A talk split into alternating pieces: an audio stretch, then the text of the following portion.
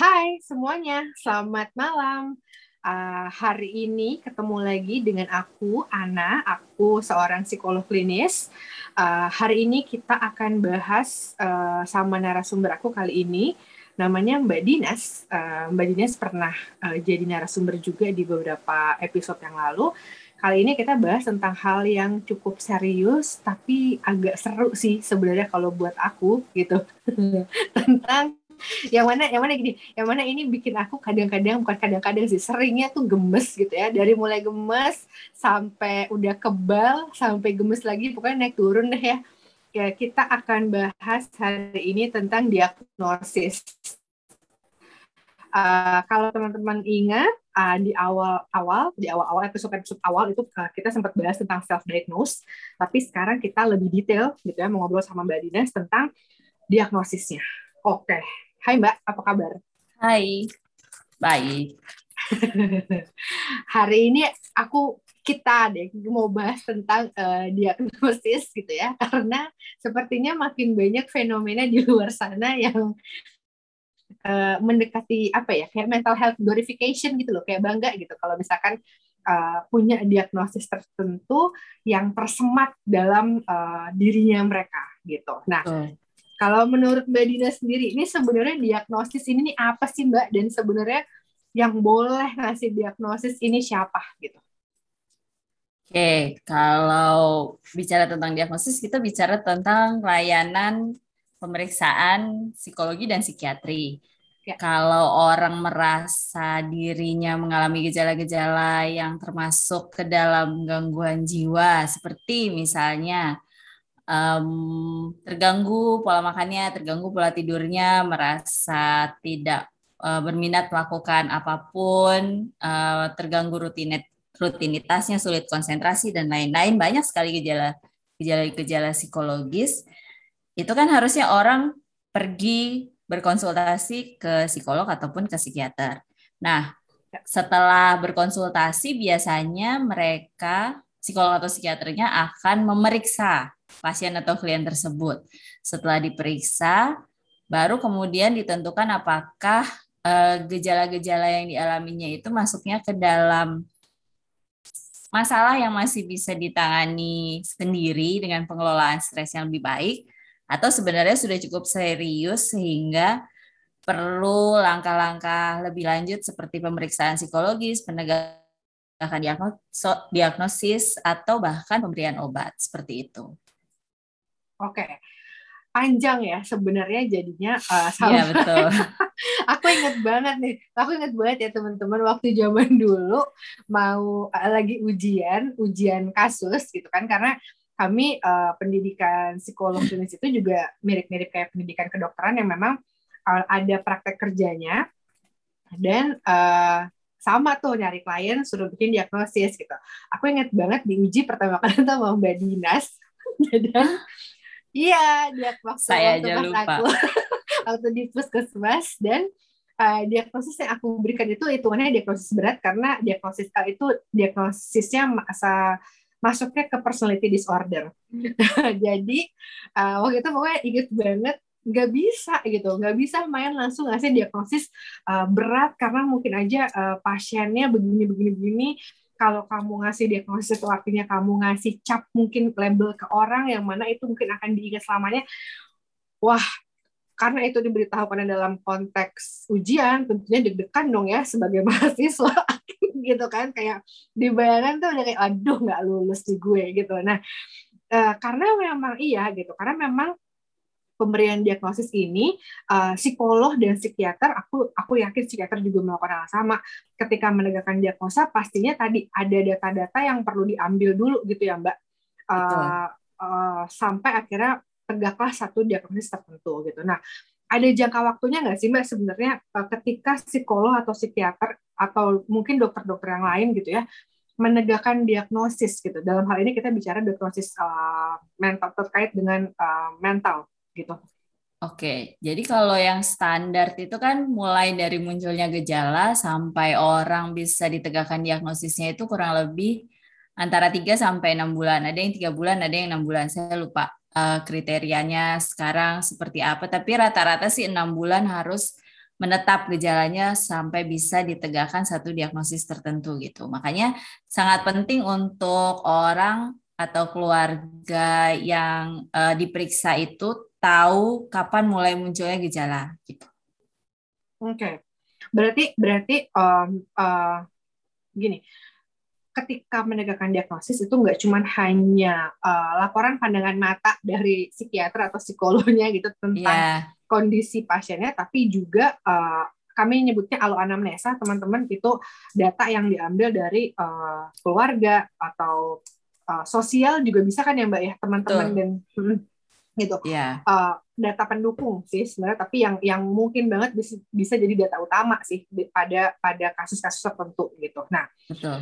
Uh, masuk ke ke kondi ke fenomena yang sekarang nih mbak ya gitu mm -hmm. aku banyak banget dapet pasien aku banyak banget dapet pasien yang ketika datang ke aku ngomong gini mbak Ana aku tuh depresi gitu itu itu itu diagnosis paling banyak tuh mm. atau mbak Ana aku um, ah satu lagi satu lagi yang yang cukup beken adalah uh, Mbak Ana aku uh, BPD borderline personality disorder gitu. Hmm. dan uh, aku ya aku selalu bertanya sebenarnya satu sisi curious ya satu sisi kayak ini dapat dari mana nih? Karena itu tadi gitu. Maksudnya aku udah aku merasakan bahwa menegakkan diagnosa tuh nggak bisa sekali dua kali ketemu doang habis diagnosa ya kan gerak gitu yeah. loh. Nah Gimana Mbak terkait dengan fenomena ini yang ada di lapangan? Hmm. Uh, gini, kalau saya tadi mungkin merujuk dari pengalaman dirimu ujian ya. Jadi satu hal yang saya pelajari waktu saya posisinya juga mahasiswa magister profesi seperti dirimu adalah bahwa diagnosis yang berat itu efeknya akan sangat eh, berat juga ke orang yang mendapatkan diagnosis itu. Jadi Benar. kalau misalnya ada diagnosis kemungkinan diagnosis yang lebih ringan dan itu masih masuk ke dalam eh, kriteria gejala yang dialami orang itu gitu. Lebih baik menegakkan diagnosis yang lebih ringan gitu. Dibandingkan sebenarnya hmm. orangnya nggak apa-apa atau gejalanya mungkin ringan di terus dikasih diagnosis yang berat. Diban uh, itu lebih parah dibandingkan kalau misalnya sebenarnya dia gejalanya banyak sebenarnya dia kondisinya lebih parah tapi ditegakkan diagnosis yang ringan. Kenapa? Karena diagnosis itu kan nanti arahnya ke penanganan bantuan. Dia butuhnya terapi kah obat kah gitu. Bayangkan kalau orang yang sebenarnya tidak skizofrenia misalnya, terus dikasih obat skizofrenia. Orang yang sebenarnya tidak perlu obat mengkonsumsi obat, ibaratnya sebenarnya dia nggak apa-apa tapi minum obat pusing gitu. Jadi kan sebenarnya memasukkan racun ke dalam tubuh yang tidak diperlukan oleh orang itu gitu. Istilahnya seperti itu, sederhananya. Jadi kalau merujuk ke fenomena yang sekarang orang banyak melabel dirinya sendiri atau merasa dirinya sendiri itu punya gangguan, padahal mungkin belum pernah konsultasi bahkan ke psikolog atau ke psikiater, menurut saya itu bahaya sih, karena sekarang ini kan kita sebenarnya sedang dalam tahap untuk uh, lebih mengedukasi orang-orang tentang kesehatan jiwa. Pertama itu, kedua mau menghilangkan stigma gangguan jiwa itu sendiri sehingga orang-orang tidak lagi malu atau takut atau enggan pergi ke psikolog atau ke psikiater gitu. Dengan orang-orang yang memanfaatkan atau menggunakan label atau mendiagnosis diri sendiri sebagai gangguan, padahal mereka sebenarnya mungkin nggak apa-apa, itu akhirnya membuat usaha kita untuk mengedukasi orang, untuk uh, menghilangkan stigma, jadinya seperti mentah lagi gitu kalau menurut saya. Karena capek banget loh, udah berpuluh-puluh tahun berusaha untuk membuat orang aware kalau kesehatan jiwa itu penting untuk diperhatikan, penting untuk ditangani, nggak boleh sembarangan minum obat, nggak boleh sembarangan uh, menerapi diri sendiri dengan cara-cara yang nggak benar. Terus ada orang-orang yang seperti ini ngaku-ngaku kalau mereka punya gangguan, entah tujuannya apa, saya nggak tahu juga gitu. Jadi itu sih yang saya rasakan dan saya pikir juga banyak ya orang-orang yang concernnya sama seperti kita berdua gitu. Nggak cuma saya sama kamu. Ya ya ya. Setuju banget gitu. Uh, karena gini gini sih kalau kalau yang aku sempat tanya gitu ya ke ke klien gitu uh, ini ini dapat diagnosisnya dari mana uh, dari psikiater atau psikolog enggak dari diri sendiri gitu jadi karena dia karena dia nyari di Google habis itu matching matchingin yeah. gitu kan yeah. apa yang aku rasain dengan oh ini gejalanya sama nih gitu padahal mm -hmm.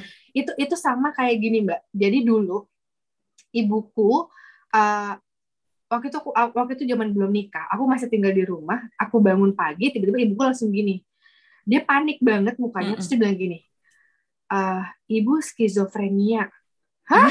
Gitu kan. Waduh. Ya, gimana? Gitu kan. gimana? Kan? tunggu tunggu. dan, dan dia tuh panik banget. Bukannya tuh beneran panik segini. Iya iya neng. Aku di rumah kan dipanggil neng. Mm -mm. iya neng. Uh, ibu tuh skizofrenia. Ah dapat dari mana sih? Gitu nih kenapa? Ternyata uh, beliau habis nonton uh, salah satu uh, stasiun TV yang menayangkan tentang gangguan psikologi. Waktu itu memang dibahas tentang skizofrenia. Mm-hmm. dan kayaknya eh, yang dibahas tuh gini, aku nanya gini, kenapa bisa sampai ngomong bunyi skizofrenia? Dia bilang iya karena uh, dibilangnya tadi itu suka kepikiran yang macam-macam, suka deg-degan, uh. suka uh. suka kebayang yang macam-macam. Lah bunyi uh. begitu gitu loh. Jadi kan berarti kan itu artinya bunyi skizofren kan, gitu skizofrenia gitu. Uh. Uh, enggak. Jadi udah abis itu aku aku aku tiba-tiba langsung ceramah ceramah pagi dong ya mbak tentang skizofrenia itu adalah begini gitu kan nah nah itu ternyata banyak juga uh, aku temukan dan uh, mungkin mbak Dinis juga sering menemukan itu gitu di di mm -hmm. di, di klien gitu mm -hmm. uh, me, me apa ya me, mematchingkan apa yang dibilang oleh media ke kepada apa uh, uh, dengan dengan apa yang kita rasakan gitu sosok matching matchingin gitu nah betul, betul. kalau tapi kan bukan artinya kita nggak boleh ngecek ke sosial media atau ke media yang lain gitu ya Mbak ya. Nah kalau menurut Mbak Dinas gimana sih Mbak bijaknya gitu mungkinkah gitu supaya tadi supaya mental health glorification yang nggak terbentuk, supaya self diagnosis yang nggak terbentuk dan kayak gitu-gitu kalau menurut Mbak gimana? Uh, kalau dari saya sih mungkin lebih mengedukasi orang untuk uh, mengenali dirinya sendiri ya pertama maksudnya harusnya orang punya cukup pemahaman tentang kondisi dia ketika sedang fit secara mental dan kondisi dia ketika sedang tidak fit gitu. Tidak fit itu kan bisa karena stres, bisa karena beban kerja yang banyak, uh, tidak punya cukup waktu istirahat atau ada beban pikiran yang lain gitu. Dan mulai mengenali gejala-gejalanya ketika sedang tidak fit itu apa aja gitu. Kalau saya kuncinya sebenarnya gampang sih. Ketika sudah tidak bisa lagi menjalani rutinitas, nggak bisa konsentrasi, mulai ada gangguan tidur, mulai ada gangguan makan, eh, malas ngapa-ngapain, istilah anak sekarang mager gitu ya. Eh, tidur lebih lama daripada yang seharusnya atau tidak bisa tidur gitu. Itu udah mulai tanda-tanda mungkin orang perlu konsultasi ke psikolog atau ke konselor gitu. Jadi uh, itu pertama. Kedua, ya kan memang setiap bidang ilmu itu ada ahlinya ya. Artinya orang kalau misalnya kecelakaan kan dia nggak mungkin pergi ke mekanik gitu, pasti perginya ke dokter karena dia bukan mobil gitu.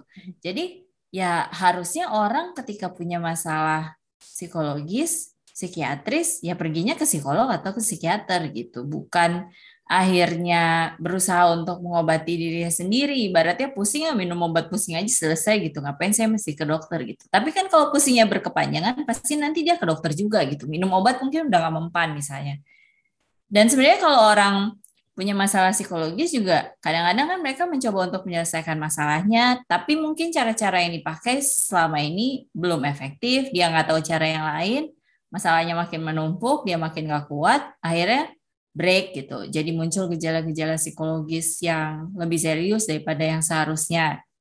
Ya kalau udah seperti itu ya berarti memang harus pergi ke psikolog atau ke psikiater gitu. Jadi kalau buat saya jadinya membaca sesuatu atau menonton televisi, media, membaca koran terkait gangguan jiwa, oke-oke saja sih. Tapi kan sebenarnya informasi yang disampaikan belum tentu benar juga gitu. Jadi kita juga harus kritis ketika uh, membaca, menonton berita, menonton film gitu. Dan mencoba untuk mengcross check informasi-informasi itu dengan sumber yang lain atau bahkan tanya ke orang yang belajar ilmunya langsung gitu. Seperti itu sih. Aku setuju banget gitu.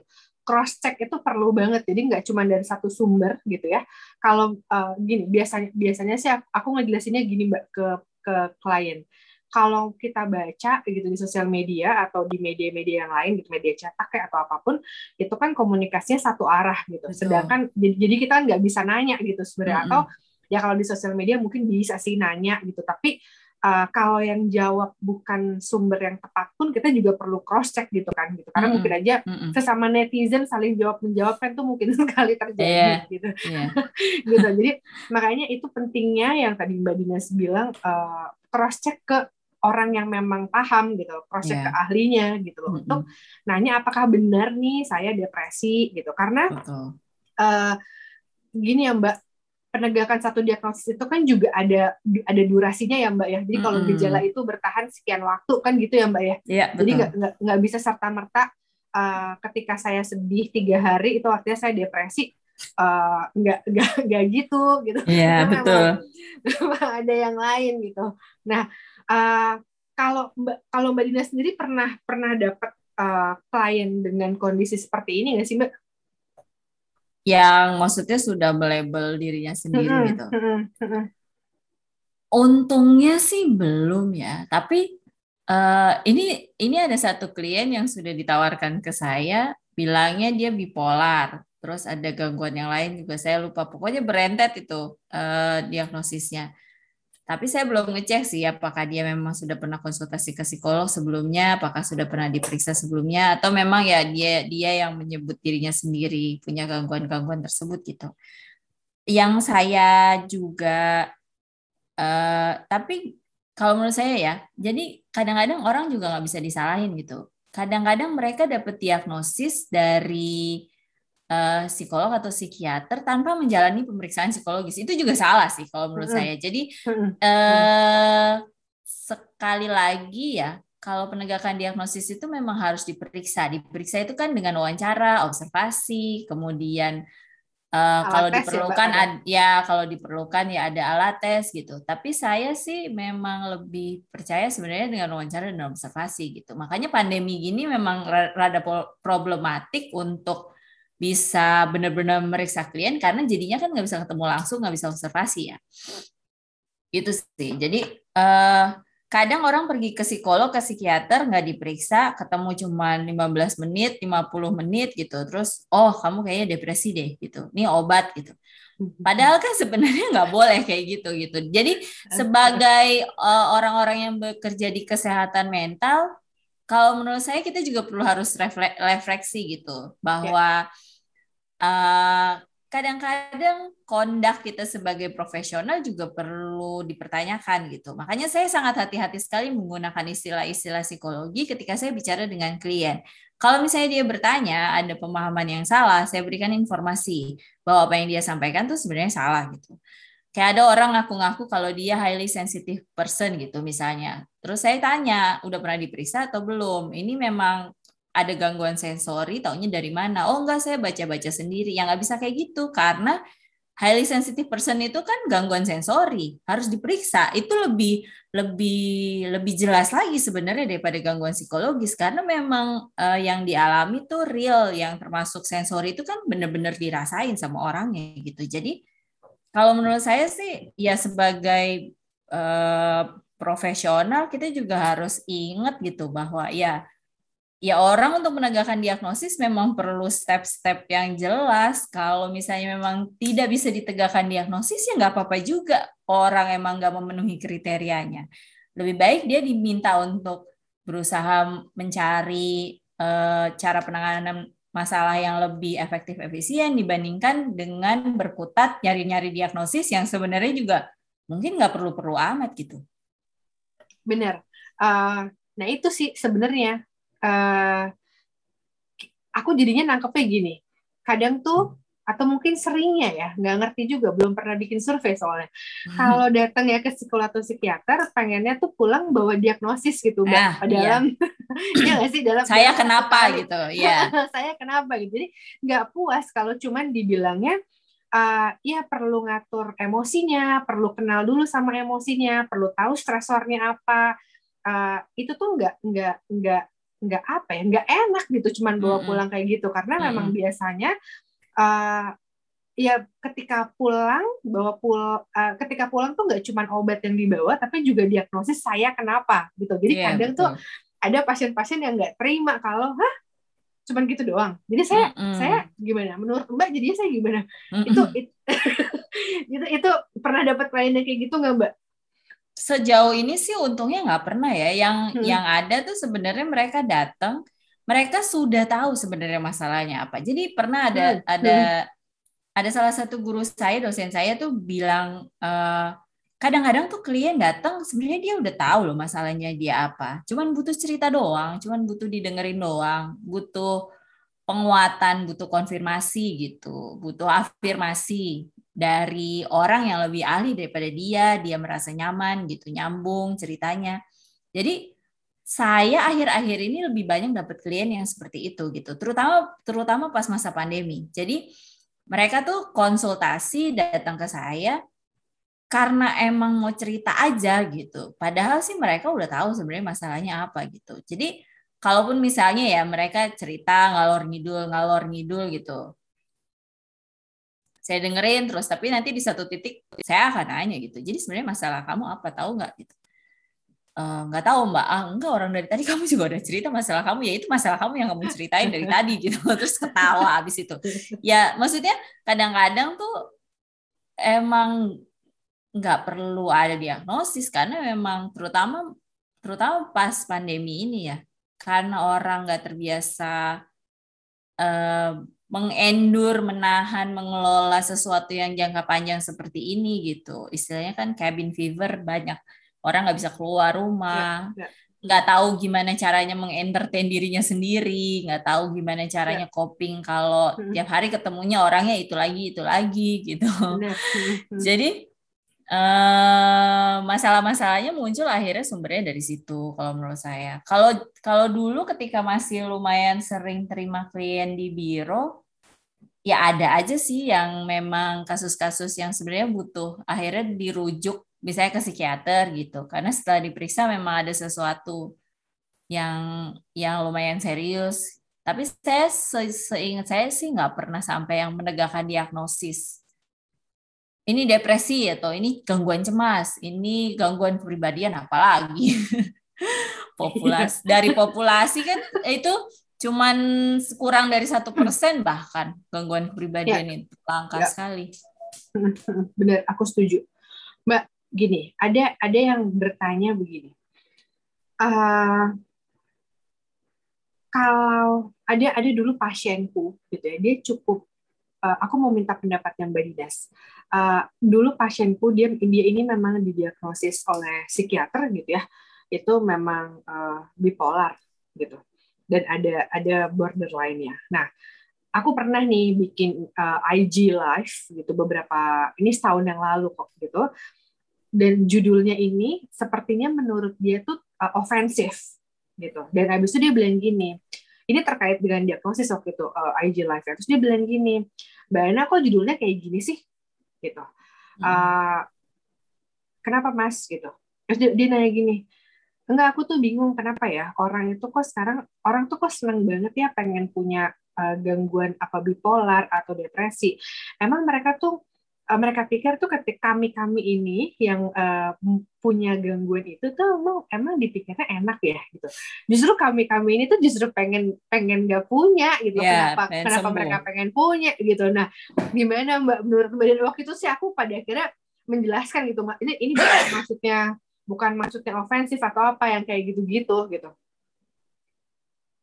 Uh, kalau saya sih ya ya logika sederhana aja sih. Maksudnya udah dari tahun 2006 jadi psikolog tuh setiap kali ketemu klien atau pasien nggak ada tuh yang mau punya gangguan. Nggak ada satupun. Satupun yeah, tuh pengen yeah. semuanya tuh pengen kenapa sih saya mesti punya gangguan ini? Kenapa sih saya mesti sakit? Kenapa sih saya mesti minum obat? Kenapa saya begini? Gitu kenapa saya nggak bisa jadi kayak orang lain yang biasa-biasa aja? Sakitnya tuh batuk pilek doang gitu. Pergi ke dokter atau bahkan minum obat flu beli di Indomaret langsung sembuh gitu.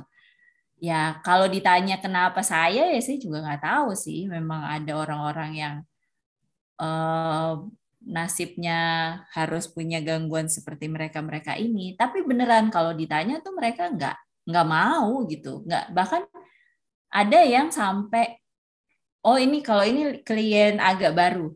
Dia itu sampai menabung uang jajarnya untuk pergi konsultasi ke psikolog karena dia nggak mau orang tuanya tahu gitu. Anak ini kuliah di luar kota, terus hmm. akhirnya memunculkan gejala-gejala psikologis karena dia cukup cukup punya wawasan ya, maksudnya rajin baca, tahu kesehatan mental itu apa. Akhirnya dia memutuskan untuk pergi ke psikolog. Tapi ya karena uangnya terbatas, jadinya cuman pergi dua kali terus udah gitu. Akhirnya pas kemarin saya menawarkan konsultasi gratis, dia DM saya lewat Twitter, ya akhirnya saya tanya gitu, masalahnya apa, ada yang bisa saya bantu gitu. Ya itu terus dia cerita, saya nggak mau ibu tahu, ibu saya tahu kalau saya punya gangguan psikologis, terus nanti saya cuman disuruh, udah kamu banyak-banyak aja sholat gitu. Jadi jadi karena dia nggak mau orang iya, iya, tuanya yeah, yeah, berespon seperti itu, akhirnya dia memutuskan untuk mencari uang sendiri, konsultasi sendiri, dan dia nggak mau orang lain tahu gitu. Karena saya di Twitter memang bilang kalau saya psikolog dan sebenarnya gampang banget loh mengecek apakah orang itu psikolog atau enggak ya by the way tinggal cek di situs Simsi aja itu. Ya, benar. namanya ada atau enggak uh, surat izin prakteknya iya, masih ya, berlaku masih atau enggak gitu. Jadi silahkan dicek yang mau konsultasi ke psikolog dia beneran psikolog atau enggak gitu. Kayaknya sih surat izin praktek saya sudah habis tapi ya udahlah nanti aja orang masih pandemi juga. Itu jadi uh, buat saya memang ada orang-orang tertentu yang kalau bisa sih orang lain jangan tahu gitu kalau saya sakit gitu. Jadi memang karena stigmanya masih kencang, terus mungkin juga nggak mau dikasihani, nggak mau terlihat lemah gitu. Banyak sih alasan orang-orang nggak mau orang lain tahu gitu. Nah ini orang-orang yang sehat kok malah ngaku-ngaku punya gangguan itu saya juga agak bingung sih. Karena kalau alasannya supaya terlihat keren, supaya terlihat uh, uh, punya mental health awareness ya kenapa nggak kerja volunteer aja bantuin orang-orang uh, yang lagi pada stres ketika pandemi hmm. ini gitu jadi konselor ya, ya. relawan ya. apa pun juga gitu nggak usah ngaku-ngaku sampai punya gangguan sih kalau menurut saya ya ya ya dan satu lagi mbak uh, ada ada fenomena di luar ini aku dapat dari beberapa uh, klien dan um, keluarganya klien gitu ya hmm. jadi ada satu orang uh, klienku yang ke kakaknya gitu ya itu wanti-wanti ke aku aduh dia dia gimana sih adik gue tuh kenapa gitu enggak soalnya dan tercetuslah omongan enggak soalnya uh, aku kok nangkepnya bahwa di komunitasnya dia, maksudnya di peernya dia, gitu ya, hmm. di peers adiknya ini, kalau udah datang ke psikolog atau ke psikiater itu keren, hmm. gitu loh. Nanti hmm. tuh,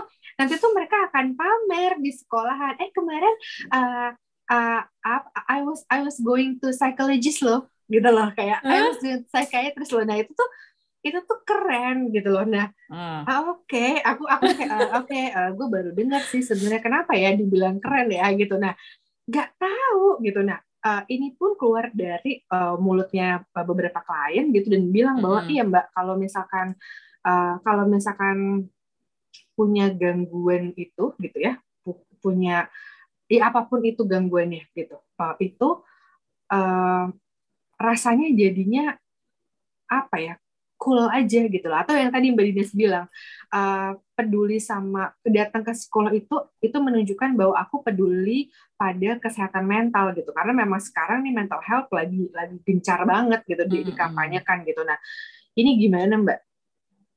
Gini kalau orang pergi ke psikolog terus it, menurut dia itu cool menurut saya sih biasa aja ya. Maksudnya kayak pergi ke dokter aja emang pergi ke dokter cool gitu. Kan sama aja sebenarnya konsultasi gitu. Atau pergi ke kantor uh, pajak atau kantor notaris gitu untuk konsultasi kan sebenarnya sama aja sih. Terus saya bingung coolnya di mana gitu. Uh, ya mungkin kalau misalnya ditarik ke mental health awareness orang-orang jadi lebih aware tentang kesehatan jiwa terus mulai mulai terbuka membicarakannya oke okay sih. Kalau bagian itunya oke. Okay. orang kan jadi uh, teredukasi mereka mulai baca tentang kesehatan jiwa kenapa penting dan seterusnya. Gimana sih mengelola stresnya lebih baik gitu.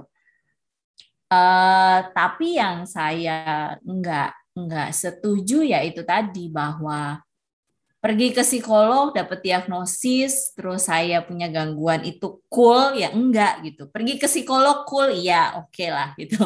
Tapi pergi ke psikolog itu kan bisa macam-macam tujuannya. Bisa konsultasi karir bisa konsultasi pengembangan diri bisa sekedar nanya saya mau saya lulus SMA bingung mau kuliah apa? gitu. Atau saya di kantor berantem mulu nih sama bos saya gimana ya caranya supaya saya bisa uh, bekerja dengan lebih tenang dan bisa lebih menghadapi bos saya dengan asertif gitu. Jadi pergi ke psikolog itu kan bukan cuman untuk menegakkan diagnosis gitu. Maksudnya dapat dapat diagnosis gangguan jiwa, enggak gitu. Banyak banget orang-orang yang sebenarnya nggak apa-apa, hidupnya baik-baik aja, tapi mungkin dia mau mengen lebih mengenali dirinya sendiri atau mungkin dia pengen dapet jodoh tapi merasa bahwa kok saya kayaknya socially awkward ya kalau ketemu cowok apa cewek kayak nggak bisa ngomong gitu takut dan seterusnya gitu. Atau orang yang mau menikah jadi konsultasi konseling pranikah ke psikolog juga gitu. Banyak banget gitu alasan orang pergi ke psikolog.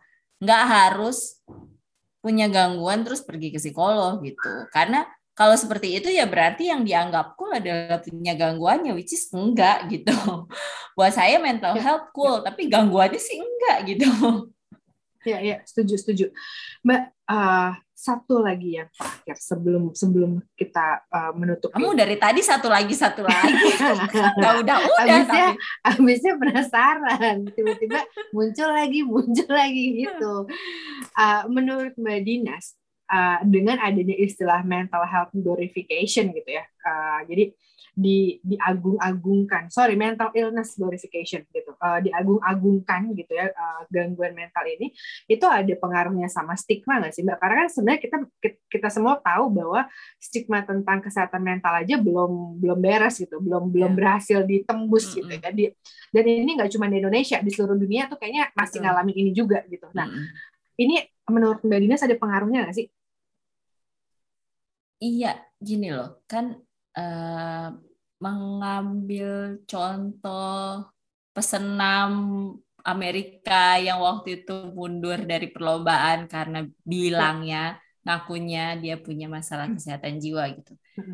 Terus orang-orang terbagi dua pendapatnya. Ah dia mau males aja gitu, bukan bukan orang yang mau fight. Dia tahu dia nggak bakal menang kalau dia bertanding, makanya dia mundur gitu. Tapi di sisi lain ada yang wah bagus dia care sama kesehatan jiwanya. Jadi take a break mau istirahat dulu lebih milih untuk nggak berkompetisi uh, memikirkan kesehatan jiwanya dulu gitu. Buat saya apa pun alasannya ya maksudnya lebih baik orang aware terhadap kesehatan jiwanya secara umum dan udah nggak usah ngutak-ngutik gangguannya gitu. Lebih lebih fokus ke pengenalan stres, pengelolaan stres, hal-hal yang umum dulu deh terkait dengan kesehatan jiwa.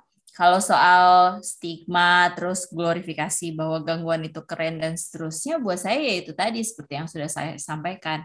Stigma tentang kesehatan jiwa, terutama gangguan ya, itu kan sebenarnya ya saya setuju masih banyak masih ada gitu ya buktinya masih banyak orang yang dipasung kok itu di desa-desa karena nggak tahu lagi mau diapain orang-orang ini uh, kemudian orang-orang dengan gangguan jiwa biasanya juga kalau udah pulih pun susah banget dapat pekerjaan gitu jadinya uh, ketika ada orang yang baik-baik saja terus mengaku dia punya gangguan supaya kelihatan keren buat saya sih jadinya itu merusak hal-hal baik yang sudah ada di bidang kesehatan jiwa gitu. Ya, ya seperti yang saya bilang memang edukasi itu baik, informasi baik, orang-orang jadi melek tentang kesehatan jiwa buat saya baik gitu. Tapi yang nggak usah sampai akhirnya ngaku-ngaku punya gangguan untuk kelihatan keren gitu. Itu tuh buat apa? Pasien dan klien yang beneran punya gangguan tuh malah nggak mau orang-orang pada tahu gitu. Gitu sih. Oke, okay. ya aku setuju. Uh, aku menambahkan sedikit ya Mbak. Ada ada artikel yang aku baca uh, bilangnya gini, um, mental health glorification itu sebenarnya memperburuk uh, stigma karena uh, mungkin aja orang-orang itu akan berpikir bahwa ah ini ini cuman ini aja kali cuman uh, cuman lebaynya remaja hmm. kayak gitu cuman yeah. Iya. uh, apa ya cuman dia mau mau dapat attention aja ya, cari gitu. perhatian cari iya. perhatian gitu padahal hmm. mungkin sebenarnya jangan-jangan memang ada orang-orang yang butuh gitu ya tapi uh, ketutup gitu karena yeah. Iya. uh, ada sebagian lagi yang tadi uh, menggembar-gemborkan bahwa Betul. saya itu punya gangguan ini, saya punya gangguan itu. Betul. Padahal sebenarnya uh, enggak ada ada ada yeah. ada agenda lain gitu. Nah, yeah. jadi memang perlu hati-hati nih gitu terkait dengan tadi si mental illness glorification ini uh, dan uh, gini kali ya. Um, khususnya khususnya untuk gejala-gejala atau perilaku-perilaku yang membahayakan sepertinya kita perlu ini kali ya, perlu perlu perlu pay attention gitu, perlu perlu perlu dapat perhatian lebih gitu. Karena kemarin itu aku sempat ikut uh, pencegahan bunuh ini diri. Uh, bunuh diri yeah. gitu. Kan uh, banyak uh, banyak yang uh, uh, bilang kalau ya kalau misalkan orang itu bunuh diri tuh cari perhatian atau apa gitu. Nah, uh, itu hati-hati banget karena uh, ya mendingan kita tolong dulu gitu ya daripada beneran yeah. gitu loh. Nah, gitu. Jadi jadi ini nih yang yang uh, yang yang perlu diwaspadai adalah yaitu ketika kasusnya benar-benar membahayakan jiwa gitu ya Mbak mm -hmm. ya kalau kalau saya justru gini loh ngelihatnya. Justru orang-orang yang uh, sadar kalau dia benar-benar sakit, benar-benar terganggu, itu justru biasanya mereka tuh diam-diam aja gitu. Itu yang iya. bahaya kan. Nah, ketika masyarakat akhirnya hanya mendengar eh, orang-orang uh, yang suaranya keras gitu. Saya punya gangguan, saya punya gangguan, saya saya depresi, saya cemas gitu. Padahal mereka nggak apa-apa. Jadi kan perhatian orang banyak ke sana gitu. Padahal orang-orang yang iya. justru punya pertolongan biasanya diam-diam aja gitu. Sampai ada anekdot orang yang beneran bunuh diri itu nggak bakalan ketahuan gitu tiba-tiba ketahuan udah meninggal aja gitu loh. Karena mereka nggak nggak ya, mau ya, nggak ya. nggak cry for help itu bagian dari gejalanya mereka kan. Bahwa mereka diem-diem aja menahan penderitaannya sendiri nggak tahu mesti ngapain ya udah desperate desperate aja. Orang-orang nggak ngelihat perubahan perilakunya dari yang baik-baik aja ke misalnya punya punya gejala-gejala tertentu akhirnya tiba-tiba nggak ada aja. Makanya saya setuju memang setiap setiap uh, pertanyaan, setiap permintaan tolong dari orang-orang yang sebenarnya mungkin kelihatannya baik-baik aja atau nggak pernah menunjukkan gejala, tiba-tiba dia minta tolong harus ditangani dengan serius. Nah, dan ini kalau misalnya banyak orang yang akhirnya teriak-teriak padahal nggak kenapa-napa, kan jadinya orang juga sulit untuk membedakan mana yang beneran butuh pertolongan sama mana yang ya, ya. ah ini mah nggak apa-apa gitu sebenarnya gitu. Oke. Oh, seru sekali gitu, Mbak. Sebelum sebelum ditutup ada pesan dan kesan, Mbak, buat teman-teman di sana yang mendengarkan. Iya, kalau misalnya benar-benar ngerasa terganggu, benar-benar ngerasa nggak nyaman, benar-benar ngerasa saya sudah berusaha untuk menyelesaikan masalah saya, tapi saya tetap mengalami masalah yang sama berulang kali, ya udah cari pertolongan, jangan jangan mencoba untuk menyelesaikan masalahnya sendiri, cari tahu sendiri, nanti mencoba untuk oh katanya kalau depresi kita harus meditasi, mari kita meditasi bersama. Ya enggak gitu juga gitu. Jadi harus harus benar-benar konsultasi lah paling enggak pergi ke psikolog untuk melihat apakah ini adalah sesuatu yang serius atau memang uh, ya belajar pengelolaan stres yang efektif ternyata bisa loh menangani masalahnya. Jadi ternyata bukan sesuatu yang serius gitu. Tapi kan untuk menentukan itu nggak bisa nentuin sendiri, harus konsultasi gitu. Itu sih kalau dari saya. Oke, Mbak Dinas, terima kasih buat sesinya malam ini. Semoga besok-besok uh, kita ngobrol-ngobrol lagi Mbak. Seru soalnya. Nah, teman-teman semoga tadi obrolanku sama Mbak Dinas uh, bisa apa ya uh, memberikan insight, bisa dapat informasi, bisa membuat kita jadinya perlu hati-hati dan uh, perlu aware juga sama sekitar kita kalau ada yang minta pertolongan, ya tolongin dulu aja gitu ya. Uh, uh, kalau misalkan kita emang nggak sanggup buat nolongin, at least disaranin datang ke psikolog atau ke psikiater atau ke konselor mungkin yang terdekat gitu. Nah, Hmm, kalau misalkan seperti biasa, aku mau mengingatkan kalau misalkan ada topik yang mau dibahas, silahkan email ke ana.besiana@gmail.com atau DM di IG-nya 20,000 Word Podcast gitu. Terima kasih semuanya. Selamat malam.